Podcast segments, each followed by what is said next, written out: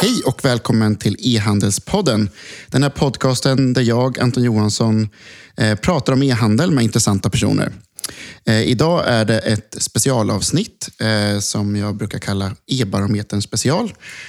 Och det är helt enkelt en slags poddversion av E-barometern där vi kanske dyker ner lite mer baserat på erfarenhet och sådana saker i, i e-barometerns siffror och eh, vad eh, som är intressant i den. Eh, och det här avsnittet görs då i samarbete med just e-barometern. Och e-barometern görs av Postnord i samarbete med Svensk Digital Handel och HUI Research. Och den vi pratar om idag är e-barometern som kom ut nu i senhösten, nu är i, i november. Och den har ett väldigt tydligt tema. Den har temat julhandel, vilket ju passar väldigt bra med årstiden. Så det är där vi ska dyka ner i idag. Eh, men innan vi drar igång tänkte jag också påminna er om att följa oss på eh, Facebook, där ni kan söka efter E-handelspodden, eh, Instagram, E-handelspodden och såklart Twitter, E-handelspodden. Och kommentera gärna och så vidare. Och om ni vill vara jättesnälla så får ni även skriva ett litet fint betyg i iTunes eller i Podcaster så rankar vi högre när, vi, när, när folk går in och letar efter nya poddar. Eh, Och med mig idag har jag en, eh, en tidigare gäst som vanligt eh, som heter Sofie Sop. Välkommen! Tack. Lite kort då, vad gör du normalt för de som inte har lyssnat på avsnittet med dig? Jag driver e-handel på ett svenskt klädföretag som heter House of Dagmar. De de flesta kanske känner till, men för de som inte känner till så gör vi mode för, vi gör damkläder helt enkelt. Och har funnits i typ 11 år. Just det. Och hur länge har e-handeln funnits? E-handeln har funnits i tre år. Och du har varit med på hela den resan? Och vill man höra mer om det här så kan man såklart lyssna på det avsnittet. Absolut. Man kan lyssna på det eller på din och min podd. Precis, du och jag har ju dessutom startat en, en ny podd. Eh, vad heter den? Modebusiness. Modebusiness. Det handlar inte bara om mode, men det är lite, lite, lite mer fokuserat på mode och den typen av bolag. Eh, och kanske jämfört med den här e-handelspodden som historiskt sett har varit väldigt mycket återförsäljarfokus, så pratar vi lite mer hur man gör som varumärkesägare också. Precis. Eh, vad har vi pratat om i den podden tidigare?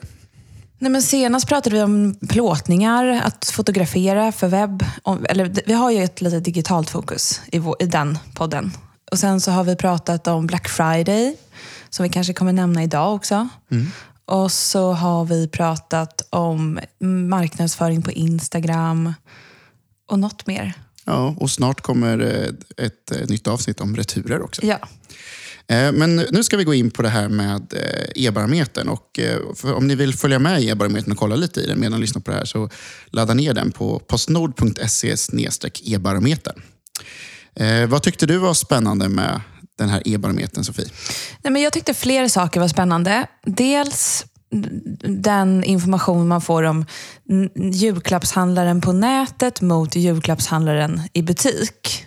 För Det står ganska utförande om hur vissa personer... Det finns liksom olika typer av julklappsinköpare kan man säga. Och Då är det dels de som köper sina julklappar på nätet. Och de har ofta kanske ut, när, mellan den 3 december och 11 december har de typ utfört sina julklappsköp. Sen så börjar en ny period mellan den 11 och 16 eller vad det var. Då fysisk handel är, eller då de här som går i butiker köper sina julklappar.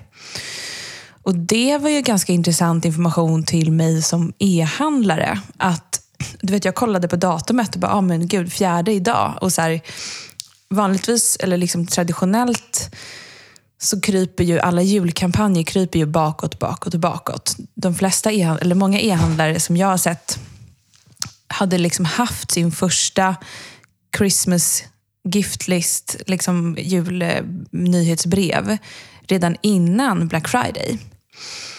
Eh, så som vi gör är att vi har Black Friday och sen går vi ut med julmarknadsföringen. Men här kan man ju se att man kan ju trycka ännu hårdare i ett ganska tidigt skede på just så här, köp dina julklappar. Ja, exakt. Och det blir ju rent i praktiken så att man, man börjar helt enkelt julkampanjen redan mitten på november. Ja. kan man säga. För Black Friday var ju till exempel då, jag tror det var, var det 25 november i år. Mm, exakt. exakt. Eh, då blir det ju, om man tar tio dagar före det, då är man, då är man ganska tidigt ute. Mm. Eh, men det, det, det kan ju vara en tydlig grej, som, om vi börjar prata med det. Det känns ju som nu, bara de två, tre senaste åren så har ju Black Friday verkligen blivit jätte, jättestort. Mm. Och där, där kanske det här, då, det här fenomenet också har, har liksom gjort då att folk shoppar mer tidigt också. För att man har blivit van vid just den här. Ja, det, det står ju också om de här som köper alla sina julklappar på Black Friday. Vilket säkert är en hel del i alla fall. Köpte du några julklappar på Mm. Jag Black köpte Friday? ingenting på Black Friday, faktiskt. Nej, jag köpte en Sodastream, fast eh, den ska jag använda själv. Mm, men du köpte den på ett erbjudande. Ja, Mm. men eh, man är ju ego som man är. Som köper man till sig själv istället. Mm. Eh, men jag var å andra sidan i Amsterdam, så jag var inte så sugen på att shoppa för mycket. Nej. Ehm, men men jag tr- tror ändå att det här med Black Friday är verkligen någonting som förändrar lite grann spelplanen. Men min teori kring det här också, det är ju att de som varit duktiga på att ta till sig Black Friday är ju e-handlarna. Det kan man säga det är nästan e-handlarna eller de som säljer online som så att säga har varit pådrivande i den här grejen. Att ta in det. Verkligen. Och eh, det har jag sett också vissa siffror nu efter, eh, efter det. Mm. Att, att just e-handlarna var de som dominerade.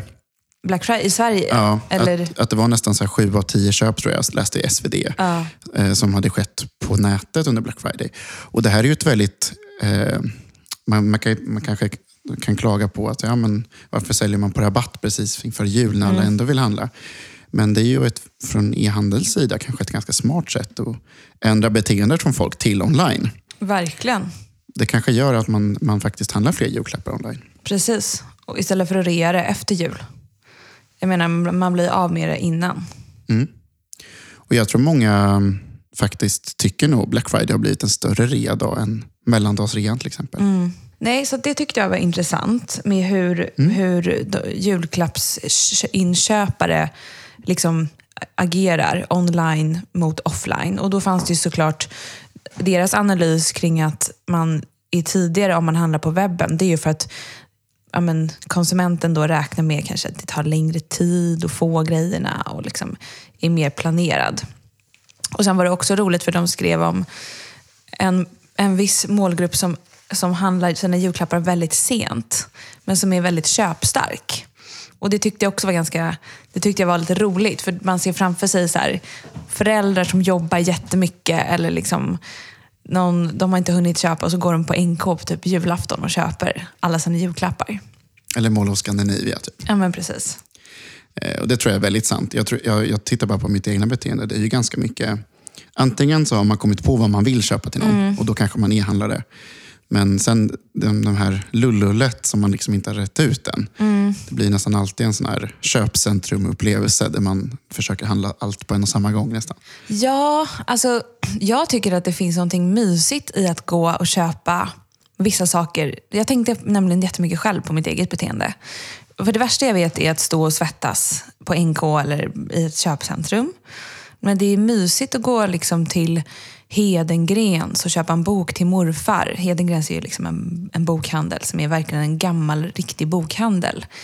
Och Det är mysigt att gå och köpa något julte. Och liksom, men det kanske är så att man kan an, använda, eller för mig så skulle det vara en bra lösning att använda nätet för de här obekväma produkterna. Som man, så där, där köpupplevelsen inte är charmig eller trevlig. Och sen så köpa lite mysigt julte på NK så får man liksom lite av båda. Ja, exakt. För jag tror, jag tror ju att eh, det är lite som i all annan så retail eh, nu. Att, att mycket går ju mot att man, man vill ha den här unika upplevelsen. Att till exempel gå på en julmarknad i Kungsträdgården eller i ja, var, var man nu bor någonstans. Det är ju en upplevelse, inte bara liksom ett... ett Konsumtionstillfälle. Nej, precis. Precis. Eh, medan eh, att bara hitta den där leksaken, då, då kanske man hellre faktiskt går in och dels hittar den på ett billigare ställe än, än vad man... Eh, men också att man, eh, man kan mer få det gjort. Exakt. Sen finns det ju andra, alltså, många glömmer bort det, men det är ganska smidigt att köpa hem grejer online. Särskilt eh, för de är redan inpackade. Ja, men precis. Det stod ju också om att de, de flesta som köper sina julklappar online vill ha den inslagen. Ja, så här, det var en ganska tydlig statistik där att hälften av alla som, som eh, handlar en, en julklapp så att säga, vill få den inslagen. Eh, men det här var också en tydlig opportunity, tänker jag, bland många eh, e-handlare. För att det är bara en av fem e-handlare som faktiskt erbjuder det. Och det är klart, det, det är ju, finns ju rent praktiska anledningar till att man inte... Det, ju, det, Det blir dyrt. det blir dyrt och det är precis eh, i julhandeln, liksom lagret inte har tid med det. Exakt. Eh, men det som också var intressant att det fanns ju en betalningsvilja delvis för det. Eh, Så att jag tror att det finns en möjlighet här och jag tror också att det är ett sätt att differentiera sig lite grann. Att jag skulle i alla fall, om, jag, om det finns en jämförbar produkt på två ställen och jag kan få inslag på den ena. Kunna betala. Hur mycket skulle du kunna betala då? Jag tror att det stod här i e-barometern att 19 kronor var man, eller 16 eller 19 kronor var man beredd på. Det är väl något sånt. För, ja, för det kostar ju att köpa hem presentpapper också. Och framförallt jobbet. Och jobbet, och man har ju stått också och köpt liksom en kruka någonstans och sen så frågar man om de kan slå in och så pekar de på ett bord med liksom 20 meter kö i slutet Mm. av lokalen. Det är inte heller jättekul. Nej, det är inte jättekul. Men jag tror att man får liksom på något sätt hitta... Eh, om, om det här kan vara ett sätt att differentiera sig som e-handlare också, så tror jag att det är väldigt spännande. Särskilt om... Eh, och man kan ju, får ju bygga in i modellen vad det innebär också. Till exempel att det kanske tar två dagar extra med leverans då. Och då får man helt enkelt ha in extra arbetare som gör det eller någonting. Ja. Nej, men där, om jag ska ta upp oss som exempel, så är det en sån typisk grej som vi trycker på under julhandeln och har gjort sedan start. Att så här, på jul, vi säljer ju kläder som vanligtvis packas i, det beror lite på prisgrupp, men köper man något, någonting som är liksom inom det lägre prissegmentet hos oss så får man en plastpåse. Visst, den är fin, men den är inte lika lyxig som då den här gröna kartongen med band runt som man får om man köper över 2000 kronor tror jag att det är. Men på jul så erbjuder vi gift, alltså Christmas gift wrapping till på allt. Men det vi också har börjat göra är att fråga om de överhuvudtaget vill ha. För att det kan också vara så att man inte vill ha, alltså det blir ganska mycket papper. Det blir en kartong med ett skyddande emballage och det kanske är så att man, säg, säg att du köper alla dina julklappar på nätet. Då har du liksom en buffé av bruna emballage i, i din hall. Och det kanske man inte heller vill ha. Så att vi, eh, vi packar in och jul, julpackar in till alla som, som vill. Men det är väl en jättebra grej. Det är jättebra. Och sen så har jag sett, har jag sett andra exempel. Det är jättefint som till exempel Rodebjer gör, ett annat svenskt klädmärke, som tar varje år fram en, eh, en specialgjord liksom, julprint tillsammans med en illustratör som ritar då ett julpapper eller snöre eller sådär. Så eh, det finns många fina sätt att eh, göra den här liksom, julerbjudandet utan att det blir så här glitter och rött och liksom. Ja, och jag tror ju att överlag att på något sätt är det ganska tydligt enligt e-barometern att kundbehovet och man vill ha det.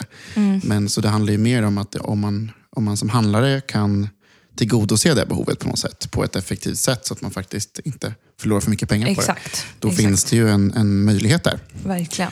Eh, och jag tänker också en sån här, jag, jag har alltid funderat på varför inte eh, man liksom kan välja till exempel presentpapper i kassan och, så att säga, mellan tre olika eller någonting. Och man kanske också, en annan sak som inte alla e-handlare erbjuder eh, är ju att man inte kan heller skicka direkt till Nej, mottagaren. det är ju jättedumt. Eh, och det finns ju vissa liksom, regler kring betalning och här saker. Att det, liksom man, ja, men betalar man med faktura så, så ska den skickas hem och här saker. Aha. Men, men det är fortfarande så att eh, om man verkligen vill liksom, tillgodose folks behov Mm. så hade det varit väldigt smidigt om jag kunde så att säga. Skicka någon en present. Exakt. Exakt. Eh, och där är ju vissa då aktörer som om man beställer man ett chokladogram eller Mm. blommor på nätet och sådär. Där är de ju jätteduktiga på det. Men eh, många andra aktörer har liksom inte riktigt tillgodosett det ordentligt. Så än. Nej, verkligen. Ehm, och då blir det också, jag tänker att det är en jättemöjlighet för att kunna erbjuda hemleverans och såna här saker. Att för skickas det till någon annan, då är man ju beredd på att betala extra för hemleverans kanske. För att det ska liksom bli som att någon kommer hem och ger dig något fint. Exakt. På Eh, julafton. Ja, exakt. Ja, kanske man betalar ännu extra mer Ännu för. mer Ja. betalar man då. Om det nu finns några budfirmor som vill köra då. Men om vi går tillbaka lite så, så kan man ju titta på eh, statistiken här att eh, eh, tre av tio klappar eh, beräknas handlas online i år. Eh, så det är fortfarande, liksom, majoriteten köps ju fortfarande offline. Eh, och där fanns ju också väldigt tydligt varför man köper online. Och det är ju för att de två största som jag tyckte stack ut var att det är mycket bekvämare. Mm, exakt. Tycker folk. Och man tycker också att det finns ett bättre utbud. Och det är en sån här typisk e-handels USP, eller US, alltså Unique Selling Point, att man kan ju faktiskt ha ett bättre utbud. Ja, verkligen. Eh. Man får ingen geografisk, eh, inget geografiskt hinder. Nej, inget fysiskt inte. Man kan inte ha hur stor butik som helst. Nej, och sen kan, det stod väl också att de kan prisjämföra i högre grad. Så är det ju. Man kan hitta billigaste varan och sådär. Eh, och det är ju så att säga både ett problem och en möjlighet som e-handlare att, att man bara säljer billiga grejer. Men, eller bara säljer genom att vara billigast. Jo, men för konsumenter så blir det väl, om man ska köpa ett, eh, en jättefin eh, en, en kaffebryggare, då har man ju typ, det är en typisk produkt man kan typ alltid hitta billigare än på NK. Eller Åhléns City eller vad man går annars. Men min teori i alla fall kring de här att det bara är, bara då i de citationstecken, är tre av tio som eh, så att säga handlas online. Så tänker jag att det som krävs för att det här ska bli liksom sju av tio eller sex av tio eller fem av tio. Eh, förutom att tillväxten bara fortsätter. Det är ju till exempel då att, att leverans även sker på lördagar och söndagar. Det är ju som att eh, idag är ju e-handeln som en affär som inte så att säga, kan lämna några varor. Eh, det är som att, som, att, som att en butik har stängt lördag och söndag. Och är det klart att stor del av julhandeln sker på lördagar och söndagar. Exakt. Eh, det är en sån här typisk grej tror jag. Eh, jag tror också att eh, man, jag tror också att det kommer krävas att hemleverans växer väldigt mycket. För att göra det bekvämt hela vägen. Liksom. Ja, Ja. och också att man, för är det någon gång så folk faktiskt tycker paketombud är lite jobbigt så är det julhandeln för att det är ofta köer och Verkligen. mycket folk. Och, jag vet inte vad du har erfarenhet men Nej, men eh, min personliga erfarenhet är att eh, även i, som konsument, alltså inte ens under julhandeln, så får man ju vänta jätte... Även om man går en vanlig tisdagkväll och ska hämta ut någonting man har köpt på nätet, så har det inte liksom... Det är väl så att, att alla e-handlare har väl inte hunnit koppla på tillräckligt många liksom, alternativ, och, ja, men precis som det du säger, för att göra det bekvämt på riktigt. Ja, och, och att liksom hemleveransfönstren är tillräckligt tajta också och sådär, så att man verkligen kan, kan få br- bra leveranstid. Jag menar, det är ju, beställer man via vissa aktörer då, då kan ju liksom, så att säga, ehm, leveransfönstren vara på sex timmar. Då löser ju inte det ens julhets man säger sådär med hemleverans. Eh, Så det är ju en ganska viktig fråga tror jag. Absolut. Det är en bra analys. Har du några mer tankar kring varför det bara, bara är tre av tio? Ehm, Jag, jag, tror, jag tror att en eh, viktig grej där är ju också den här sista delen att man, man vågar inte beställa när det är ganska kort tid före jul. Och eftersom det är ganska stor del av folks shoppingbeteende är då. Exakt. Det, det, det går ju att jämföra med andra typer av presenttillfällen. Att jag menar, ska jag köpa en födelsedagspresent, det är ju inte jätteofta jag köper den före, en, två dagar före Nej. födelsedagen. Nej, precis. Folk är sena i sitt beteende. Sen är det en viss grupp som har liksom adaptat för e-handel och liksom köper tidigare. Men de allra flesta står där och svettas några dagar innan och vågar, inte, gå, vågar inte köra nätet. Nej, och det blir ju så. Och särskilt om, om så att säga, julafton är på en söndag eller lördag eller så vidare. Då blir det ganska... ehm, Kritiskt. ja, verkligen. Och man, som sagt, det är ju inte leverans eller alla dagar. Det är bara leverans fem dagar per vecka. Vilket gör att man får ett liksom, fönstret att få den här leveransen blir det svårare. Så. Mm. Och så kanske det står till och med under högtider så kan det ta längre tid. Det, har, det är inte helt ovanligt att man ser att det står så. Och då som konsument så tänk, liksom, vad är längre tid? Ja, men det kanske tar 12 dagar. Då är det ju kört. Och, och det där finns ju en till grej i eh, e-handlarnas beteenden ibland också. Att man, väldigt många e-handlare har ju så att säga, en del av sitt sortiment i beställningssortiment också. Som man alltså inte har i lager utan man beställer av leverantören. Just det. Och det gör ju att alltså man har ju förstört lite konsumenten. Att man, konsumenterna kanske inte litar på att det alltid finns i lager trots att det står att det finns i lager. Eh, Exakt. Och man kanske har liksom, är lite överoptimistisk att det står så här en till tre dagar fast Mm. Så är det tre till fyra. Ja, exakt, eller 3 till 7 till och med. Eh, och Det där är en typisk sån sak som jag tror i, om, om e-handlarna blir duktigare på att kommunicera den riktiga leveranstiden. Exakt. Typ visualisera var den skippas ifrån och när och sådana där saker. Så för idag finns det nog en förut, alltså en liksom för inställning hos konsumenter att man inte man känner sig inte helt, man litar inte på att det tar så kort tid. Så som jag upplever det så blir liksom folk förvånade och positivt överraskade. Men oj vad fort det gick. Vad, vilken fin surprise. Men också kanske att, jag tror att liksom, det här är ju speditörerna och alla som jobbar med leverans lite jobbar på också. Idag så kan man ju som handlare egentligen bara lova vi skickar det samma dag eller vi skickar det inom en dag. Men sen så är det helt upp till- speditören och så vidare hur snabbt det faktiskt levereras. Det hade varit mycket mer, så att säga, om, om, som konsument hade man ju mycket hellre velat veta den där kommer ligga på mitt postombud Exakt. den tiden då. Ja. Eh, som man vänder på. Liksom, så att säga. Eh, Okej, om, man- om jag vill ha den levererad klock, senast klockan 10 eh, på morgonen den 22. Hur, hur, liksom, hur måste tiden måste skicka? Hur kan speditören optimera den vägen dit och så vidare. Men där finns det ju, vi, det testade vi förra julen. Det finns ju då tjänster som till exempel Urbit. Som kör ut, där får man ju välja när man vill ha produkten hos sig. Det är en superbra idé och deras koncept bygger på att liksom, ja, men någon köper någonting i Dagmars e-handel. Ehm, deras Urber, som de kallar då de här cyklisterna, eller budmänniskorna som de kopplar på. De hämtar då artikeln och ser till att den finns på plats den tid kunden har begärt. Och Det är ett jättebra upplägg. Det kräver ju vissa saker. Det kräver ju det här funkar ju typ liksom i Stockholm, för, eller inom, innanför tullarna. Liksom. Så dels kräver det att man har ett lager innanför tullarna som, som kunden kan handla från. Vi har ju lager i Varberg, så där kan det bli problem.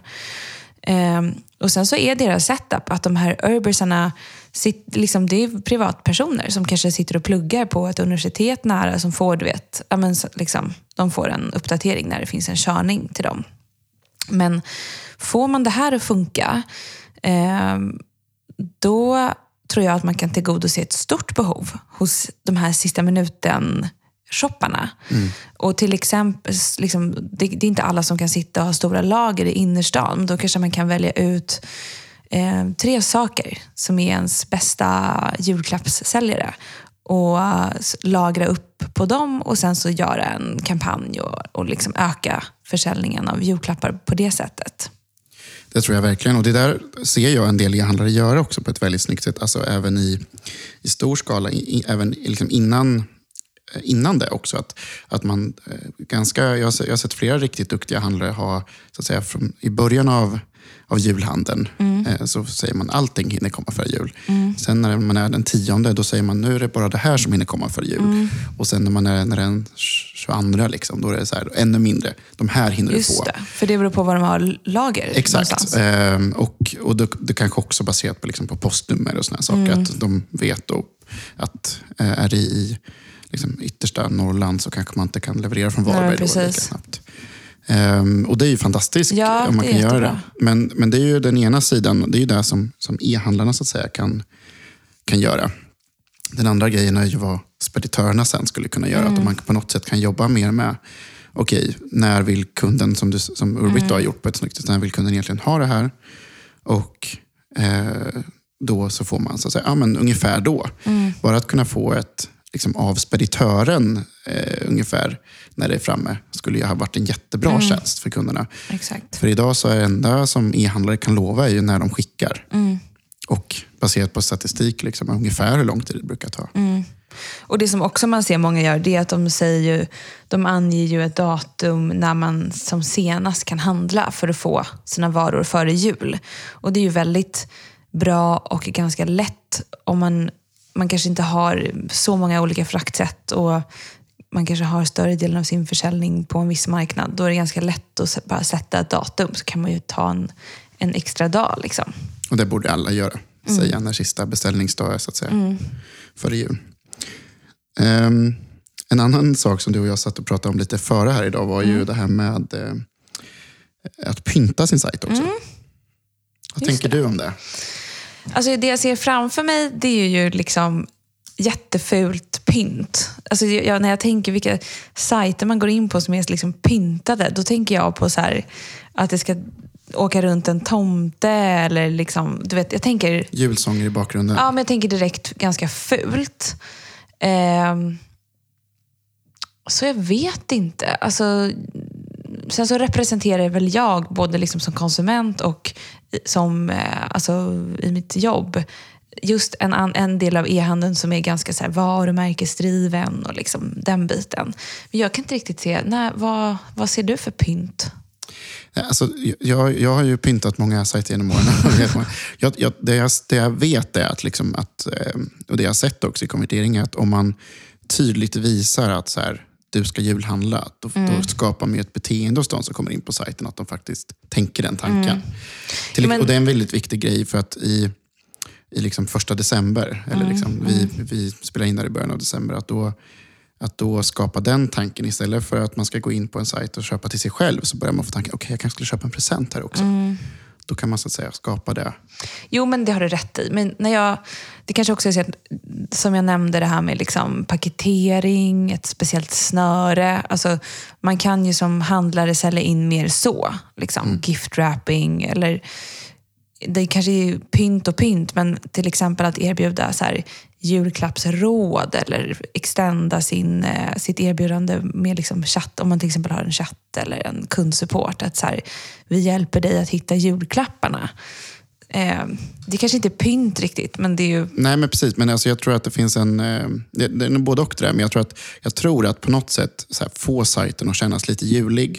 Tänker Det du då liksom lite snö? Ja, till exempel. Alltså, Sen så behöver det ju inte vara... Alltså, det kan ju vara gjort på ett snyggt sätt. Ja. Men det är ju inget konstigare än att man julpyntar sin fysiska butik, tänker jag. Nej. Eh, Men där kan man också se, vem julpyntar sin fysiska butik? Och hur gör man det? Ja, alltså...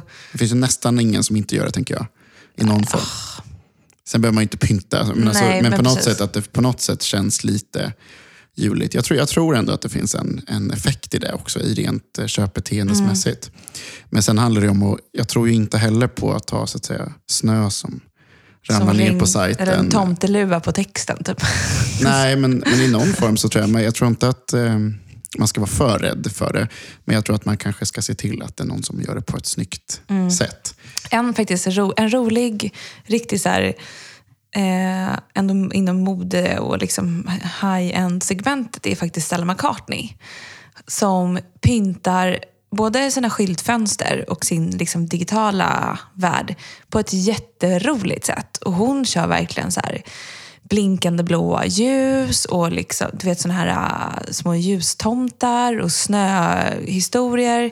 Men hon gör liksom en grej av det. Och äh, så har hon liksom i sin butik, de, hon har en butik, de har en butik på äh, Mäster Samuelsgatan i, Stockholm. Och så har de alltid liksom, de lanserar sitt julfönster och bjuder på pepparkakor. Och liksom, det blir ju kul, fast på ett lite lyxigt sätt. Mm. Jo, men jag tror att det går att göra på ganska liksom, många sätt, på ett bra sätt. Sen, eh, det jag kan tänka mig ändå som tips, och som jag tänker mycket på, det är att det finns inget värde i att bara säga god jul på sin sajt. Nej. Att bara ha, liksom, när man kommer in så bara, god jul. Utan skriv då, här är våra julklappstips. Eller så här, här är vår, eh, det här är vad vi tycker eh, du kan ge bort till de här olika. Så man, mer, alltså man, man använder det som ett kampanjverktyg egentligen. Ja, men exakt. Istället för att ehm, det enklaste är ju att man väljer ut liksom, julklappar och veckans julklappar eller eh, veckans julklappstips. Eller, Har du sett mycket såna här julkalendrar då? julkalendrar är ju väldigt vanligt. Vad tycker du om det? Eh, jag, ehm, jag, har lite svårt för det själv. sådär. Eh, jag, ser liksom som kundvärdet är ganska lågt i de här julkalendrarna. Ja, ändå är det väldigt många som kör det. Stora. Och jag tänker att man nästan kan hämma bete- hämma köpbeteendet. För att man sitter och väntar då. Ja, men tänk om de kör kampanj på stickat nästa advent och sen så gjorde de inte det. Nej, men då köpt, nu var det för sent så nu köper jag inte alls. Exakt, och man kanske också, för man, att ha en julkalender där man bara pratar om någonting är ju, gillar ju inte kunderna. Utan då måste det ju vara rabatter och kampanjer. Då, då, då får man ju in att, egentligen att hela julhandeln handlar fort också Kampanjer om liksom. kampanjer. Eh, Men däremot, alltså det, som är, det som är smart med det är ju att det blir liksom ett naturligt och inbakat sätt att prata om någonting varje dag. Som inte känns som att man bara liksom kränger, kränger, kränger, kränger hela julhandeln. Utan det är ju, har man ett Instagramflöde eller så att säga, ett nyhetsbrev så kanske det ändå det är roligare att ha jul, alltså, lucköppning än Ja. att bara trycka köp den här. Mm, absolut. Det blir ett litet format. Men, eh, men jag tror att det krävs nog lite om man ska få till det på ett bra sätt. Mm. Eh, och jag, tror, jag, alltså, jag, jag ser ju att det fungerar ibland också. Men jag tror man måste eh, tänka till lite innan man gör det. Mm. Men i alla fall, och en, eh, det är ganska många i alla fall. 50 procent av alla e-handelssajter eller e-handelsbolag har sagt att de pyntar sin sajt till julen. Eh, Jag får anta att i de här andra 50 procenten som inte gör det så kanske det är en del som inte ens säljer presentrelaterade saker också. Ja, precis. Så det kanske inte... Jag kan tänka mig att det är ganska få leksaksbutiker till exempel som inte pyntar någonting. Nej, verkligen. En annan intressant sak i, eh, i e-barometern, som, man, som jag pratat om i tidigare e-barometer special, och så där, är ju det här med handeln från utlandet. Att vi e-handlar ju ganska mycket från utlandet numera. Eh, och eh, Det här är någonting som jag tänker är en... Att under just julhandeln så har svenska e-handlare en, liksom, en USP mot utlandet. För man, under resten av året så är man kanske liksom van vid att ja, men det är okej att köpa från Kina med tre veckors leveranstid för det är mycket billigare. Eller jag, jag kan köpa från England, eller USA eller Tyskland. För man är ganska trygg med, eh, med att jag behöver ändå inte ha den här på två veckor. Det är lugnt. Så att säga. Medan inför jul så står det liksom tre veckors leveranstid och köper man ju inte tänker jag. Jag tänker liksom svenska aktörer har nytta av tidsaspekten. Verkligen, leveranstid. Ja, samt, jo precis. Jag är så, jag tänker också till viss del att det kanske också är så, alltså det, det känns lite som en annan kund. Alltså nu blir det väldigt gener- generaliserande att prata om svenska e-handlare, men liksom ah, jag vet inte, om man köper mycket på så här Kina-sajter, vilka köper man, köper man på svenska sajter överhuvudtaget då? Jo, men det tror jag. Eh, Det är nog, alltså, jag, upplever att väldigt många kunder liksom handlar både och. Så att säga. Eh, och Jag tror att man kanske köper vissa fyndgrejer direkt från Kina, från Wish-appen eller någonting. Men sen kanske man köper, eh, det kanske man, där kanske man inte köper kläder, utan man kanske köper kläder från svenska e-handlare till exempel. Eller vad det kan vara. Ehm, Men jag kan ändå tänka mig att vissa, till exempel om man tar det här fynd, ganska billiga småvaror, mobilskal, eh, vad det nu kan vara, ehm, eh, blingvaror, att, att just i julhandeln så köper man inte från Wish om man ska ge bort det. För Nej. att, I alla fall inte, liksom, för att det krävs himla mycket planering då, för man vet att ibland tar det sex veckor istället för tre. Liksom. Och då handlar man istället på Fyndik kanske, där man ändå kan veta att det kommer till tre till fem dagar. Och hela liksom retur, alltså en present är ju en present. Den vill man ju kunna lämna tillbaka. Så det finns ju också en aspekt. Det är ju kanske mäckigare att lämna tillbaka någonting som, eller du vet retur, man vet inte när man får den och det, tar det är kanske mäckigare att returnera till utlandet och så vidare. Det är nog en jätteviktig aspekt också. Att man, just när man ska ge bort så kanske man inte liksom, vågar att köpa Nej. från utlandet. Och hur tänker du med returer? Tycker du att det, det, man ser ju en del som förlänger returtiden och sådär. Vad har du sett kring det? Eh, vad, vad man, eh, eh, det är ju så att säga en, tror jag, en ganska enkelt sätt att få folk trygga med julklappsköpet. Att ja, men det är förlängt till 31 januari eller någonting. Och det, nackdelarna med det är ju tyvärr att man, alltså man, får ju, man eh, verkligen kan få tillbaks mer saker. Returgraden kanske ökar. För att Annars hade väl personen inte hunnit eller de var uppe i fjällen när de firade jul och sen så, ja du vet. Precis, och där finns ju, om man liksom har, det är ju, en, det är ju till slut ett, liksom någonting man måste räkna på såklart. Mm. Men jag tänker att om man, eh, om man liksom inte har ekonomin för att kunna ha fria returer så länge till exempel, Mm. så, då kanske man eh, kan erbjuda fria byten förlängt. Liksom. Exakt, exakt. Eh, och då, för då får man i alla fall den här, ja men det var fel storleksgrej. För det, Mm. det är ju någon slags, Det är, det är lätt hänt. ja väldigt lätt Och det är hänt. väldigt många julklappsshoppare som inte har en aning om vad de ska köpa för storlek. Så är det ju. Eh, och kläder är ju en ganska stor Del av julhandeln. Ja, verkligen. Ehm, sen finns det ju, om man går in lite på... det finns ju de aktörer som har extremt stor del av sin försäljning också under just julhandeln. Mm. Eh, jag tänker typ såna här presentprylsajter som Coolstuff till exempel. Mm. Eh, Eller roliga prylar, eller, men också såklart leksaksbutikerna. Mm. Eh, och jag, alltså jag, jag, när jag träffar på den här typen av aktörer i branschen, det är ju, det är ju, liksom, det är ju inte 25 procent av ens försäljning. Det kan ju vara uppemot 50 procent av ens Ja. försäljning på hela året. Hur, hur tacklar de det? Liksom, köper de, sätter in mer lagpersonal, mer support? Eller liksom, hur backar de upp för den här ökade aktiviteten? Jag tror man måste göra allt, så att säga. Eh, Men det svåra för den typen av aktörer är väl just det att man, till exempel då att den så, man, måste, ha- man måste ha jätte, jättestort lager under hösten. Men under våren behöver man inte ha det. Nej, exakt. Hur tar man då, vilken, liksom, vilken lagerlösning löser det på ett bra sätt? Så man slipper betala för det stora lagret året om. Du menar, nu talar du om liksom fysisk lagerplats? Liksom. Ja, Man kanske måste ha, liksom, ha tre gånger så mycket lager under hösten som under våren. Exakt. Då hoppas man ju att man kan få hitta en agil lagerpartner som kan liksom Exakt. erbjuda det. Men det kanske inte ens går att ta det här, ett eget lager då till exempel. Nej, men och samma sak som liksom, hur jobbar lag? Alltså, typ, många jobbar ju med så här, tredjepartslogistik. Hur jobbar de? Jag tror i alla fall, utan att lova för mycket, men hos den, den aktören vi jobbar med så är jag ganska säker på att de tar in liksom extra arbetare under jul till exempel.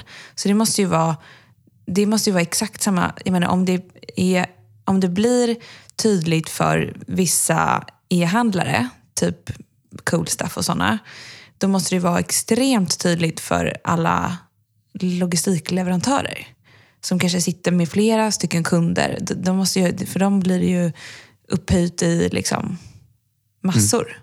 Absolut. Och man måste också vara ännu mer, tänker jag, staffa upp med grejer i god tid. För man vet att liksom, tar de här produkterna slut, då är vi körda så att säga. För då kommer vi inte sälja så mycket som vi behöver. Men om så att säga, en, en tredjedel av en försäljning är på tre veckor under året, då är ju de veckorna väldigt, väldigt viktiga. Och med liksom lev, alltså leverantör, alltså, eller vad säger man, shipping och sånt. Vad säger man? Sin eh, Ja, leverans eller ja, leveranspartner. Där, man har ju sällan talat om att man behöver liksom varna där för ökad aktivitet. Hur, liksom, det, det vet Postnord och det gänget. Eller liksom, vad tror du gäller där? Eh, ja, så är det väl. Däremot så tror jag att det är ganska bra att ha en dialog om. Mm. Eh, jag, tror- jag, jag vet ganska många lager som har liksom kanske, ja, men som ändå behöver förklara att vi kommer behöva två lastbilar som Mm. hämtar de här veckorna och såna saker. Eh, det har ju mycket med rent praktiska saker egentligen. Exakt. Eh, så. Men sen, nej, men jag tror att det, det, det måste vara en enorm utmaning och jag, jag är inte avundsjuk på problemet. jag, vi på Headler så har vi, liksom, vi kanske har 25 procent av vår, vår liksom, försäljning på. Det är ju jättemycket också, men det är ändå en... Eh, liksom, tänk dig att man har volymer med 50 procent på bara några veckor. Eh, så det vill ju verkligen till. Och det, och det måste vara jätteproblem med att till exempel då kanske normalt bara behöver ha ett par stycken på kundservice året om. Men, men man kanske måste ha 15-20 under en tre månadersperiod. Exakt. Då måste det vara jättesvårt att föra över den kunskapen och kompetensen och liksom Ja. inte kunna behålla den varje gång. Eh, hur man bygger upp de här processerna så att det ändå funkar. Samtidigt som det är liksom den tiden då den som frågar kanske är i störst behov av den här hjälpen. Och det måste gå fort och smidigt. Och det är verkligen en kritisk period. Ja, verkligen. Ehm, sen eh, om, man, om man ska gå in på några... Eh, tankar då som, som jag hade, om vi, vi har berört några, eller så här, några som, som du och jag pratade om tidigare också. Det är till exempel det här leverans på helgerna. Det tror jag kommer vara liksom en självklarhet om tio år. Så, eh, kanske inte att man har det året om, men att kanske under julhandeln så erbjuder speditörerna det här till exempel. Eh, jag tror också på pappbutiker kommer att växa väldigt mycket. Exakt. Det tror jag också. Men det, det är inte bara för julhandeln, men det är ju ett perfekt sätt att fånga in de här som är, kanske ändå vill strosa runt på Biblioteksgatan, men liksom låta dem lägga sina stora ordrar eller gå hem och tänka och sen köpa på webben. Slippa släpa. Man går på stan, har det skönt, dricker lite glögg, bestämmer allt. Eller man lägger ordern till och med i butiken och sen så skickas det hem. Det är ju där med att gå och svettas som är liksom en av de sämsta grejerna. Så är det ju. Nej, och jag tänker just för de här som kanske har väldigt mycket, alltså som fokuserar väldigt mycket online, som nästan bara har e-handelsförsäljning. Att det är ju såklart, en, en hel del har ju skaffat fysisk butik, men man kanske inte vill skaffa fysisk butik i hela landet överallt. Så att säga. Men det är möjligt att, och det kanske inte är lönsamt, men det är mycket möjligt att det är lönsamt att ha det under julhandeln. Så att då sätta upp på butiker i åtta städer eh, under just så att säga, två, tre månaders tid. Det tror jag kan vara en här, ganska bra modell för många Verkligen. e-handlare. Skapa kännedom för kunder för resten av året. Ja, exakt. Men också det här att man, man får fånga upp de där som kanske inte eh, har varit planerande och handlat på Black Ja. Friday och så vidare. Och hjälper dem, förvirrade. Det här hänger ihop med en annan tanke jag har. Och det handlar ju om att på julen vill man ju köpa presenter och göra någon glad. Det är alltid ett problem. För mig blir det alltid ett problem med liksom jag, jag tycker aldrig att jag lyckas köpa rätt sak och det är lika svårt för liksom, de, man har kanske en ganska specifik önskan vad man vill ha. Så dels då om man tittar på det här med pop-up-butiker så kan ju det vara extremt bra sätt att erbjuda hjälp och vägledning som många till exempel pojkvänner eller familjemedlemmar behöver. Men sen har jag funderat kring det här att skapa möjlighet att göra en wishlist på sajten och dela på ett smidigt sätt. För det är alltid svårt med önskelista och liksom det blir som en beställning.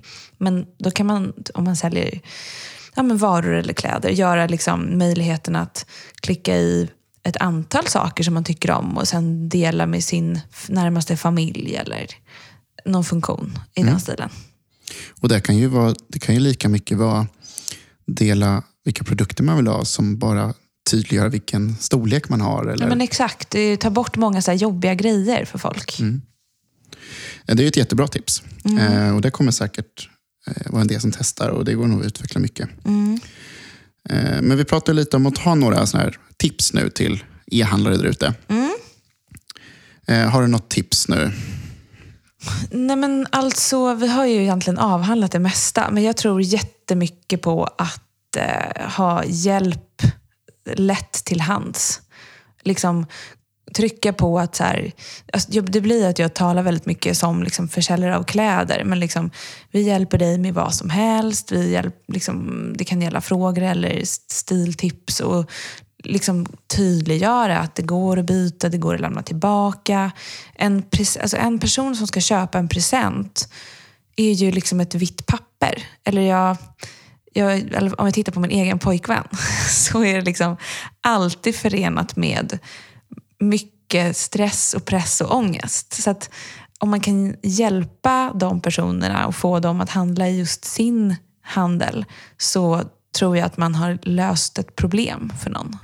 Men lite så personalisera shoppingen baserat på vem, vem det är som ska handla. egentligen. Så.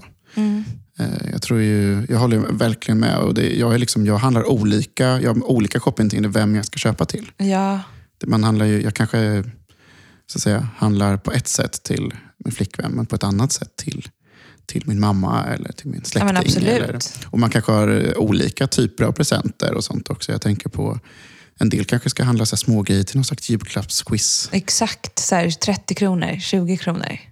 Och den där är en, en, en, ett annat tips som jag tänker mycket på, som av egen erfarenhet också. Det är ju att eh, man glömmer ofta bort företagsmarknaden på julen. Eh, nu kanske liksom, eh, en aktör som Dagmar inte har någon stor marknad, så, men, men vi som har sålt hörlurar och sånt där, det är en väldigt bra Superbra. företagspresent.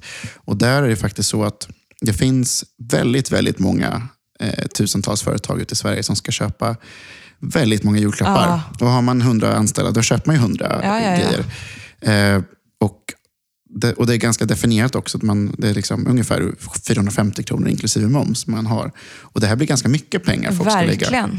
Och det är stora ordrar. Eh, och det är den ena sidan. Den andra sidan är ju dessutom köper man mycket till kunder och till samarbetspartners. Och man ska, man, man vill liksom säga, säga, det är typisk Mm. Otroligt bra möjlighet att tjäna lite, alltså verkligen Exakt. smälla ut eh, extra pengar. Så att jag tror att eh, det är en sån här grej som jag tror man inte ska underskatta. Och man kan kanske till och med, och det är en typisk sån sak som man ska liksom pusha lite för tidigare Mm. under julhandeln. Alltså, är- för folk börjar kolla på det här i oktober, november redan. Mm. Eh, och ska man då köpa julklappar till 300 anställda, det är klart att man, man, man måste börja deala och prata om vad det ska, Verkligen. ska de slås in. Och, och till de här är det jätteviktigt att till exempel att kunna erbjuda slå in och att de Mm. är färdiga, så att säga, med ett färdigtryckt kort på. Och, eh, Det är kanske sätta väldigt- ihop någon typ av specialgrej. Man skickar med en, så att säga, eh, inte bara så här, sin produkt, utan man kan skicka med i en korg. Liksom. Ja, ja. Men det gäller ju, det är ju specifika produkter. Det är just, eh, som du säger, hörlurar är ju perfekt. Ja, men, men väldigt många. Alltså, jag, jag tror det finns så många aktörer som helst som skulle kunna ta av den här marknaden egentligen. Mm. Supersmart. Ja. Eh, en annat sånt tips som även e-barometern tar upp är ju det här med att man, man kanske ska, man ska absolut inte underskatta värdet av att ha spårning till kund på Precis. paketen. Det är ju extremt viktigt. Och det kan ju vara en sån enkel grej att om man normalt skickar med vanliga brev, att man eh, skickar med varubrev sista två veckorna på julhandeln. Eh, eller att sista veckan eller sista fem dagarna skickar man bara med, med de som har full spårbarhet, typ MyPack och så vidare. Eh, just för att och, och sen inte glömma bort att det här ska ju ut till kund också. Det är ju inte värt Exakt. någonting att du bara har det. Nej. Eh, en annan sak som jag vet att ni jobbar mycket på Mm. är ju till exempel det här med att ha chatt också. Men det är jättebra. Och jag tänkte också på att man kan skriva med en hälsning. Alltså, låt säga att man vill beställa en present till någon som man inte ska fira jul med. Då är det ju ganska... Det känns väldigt lyxigt och härligt att man kan man får hjälp att handla, man får välja hur det ska paketeras. Man kan skriva en hälsning som, ja, nu kan ju det bli kritiskt då med, med aktiviteten på lagren, men till exempel skriva en hälsning som då lagerpersonalen skriver ut, du vet med papper och penna.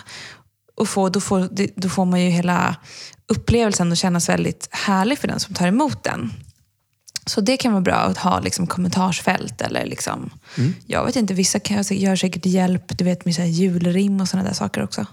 Absolut, och det är ju väldigt Det är kul. mysigt. Och det kan man så att säga göra digitalt efter ett köp också. Att man bara Mm. hjälper folk. Att så här, ska du inte göra det här? Det är ju ett sätt att skapa lojalitet också. Verkligen.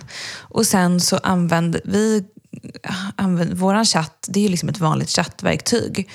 Men den kan man ju också använda för att man kan skapa ett mervärde i den chatten genom att vara så här, ikväll så chattar du med designteamet och inte så här typ en vanlig liksom kundsupportfunktion. Det, det kanske inte alltid är bättre, för det kan vara så att kundsupporten egentligen kan svara mer på frågor om mått och liknande. Men det kan finnas ett värde för en intresserad person att prata med den som har skapat kläderna från liksom kreativ första idé till färdig produkt.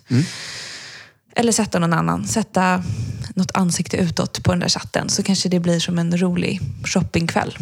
Exakt, och jag tror man ska inte underskatta kvällar och helger här. Man Nej. får gärna så att säga, svara på kundsupport och sånt under helgerna. Och det hänger ihop med en annan grej. Jag tror att de som är duktiga, de ser ju verkligen till också att packa och sånt på helgerna.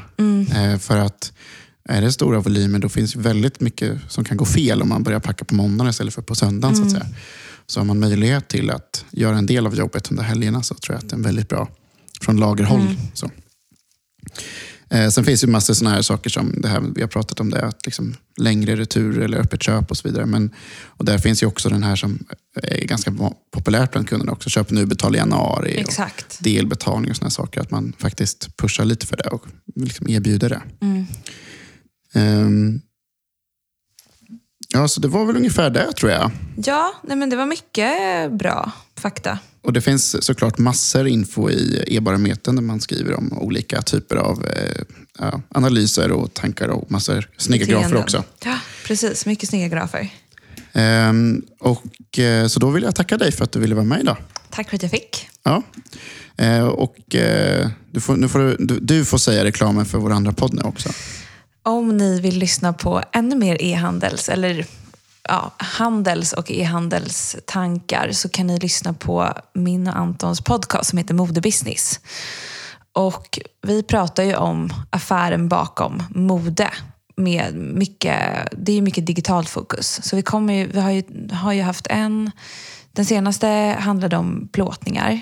Och det, där finns mycket roliga tankar kring och det är såklart, alltså, man, jag tror att de flesta kan tycka att det är spännande, inte bara de som håller på med mode. Så. Nej, men det tror jag absolut. Och, och inte bara de som håller på med e-handel heller. Och snart kommer vi släppa ett avsnitt om returer också, som är ett ganska stort, jag ska inte säga problem, men det är en stor issue inom e-handel. Ja.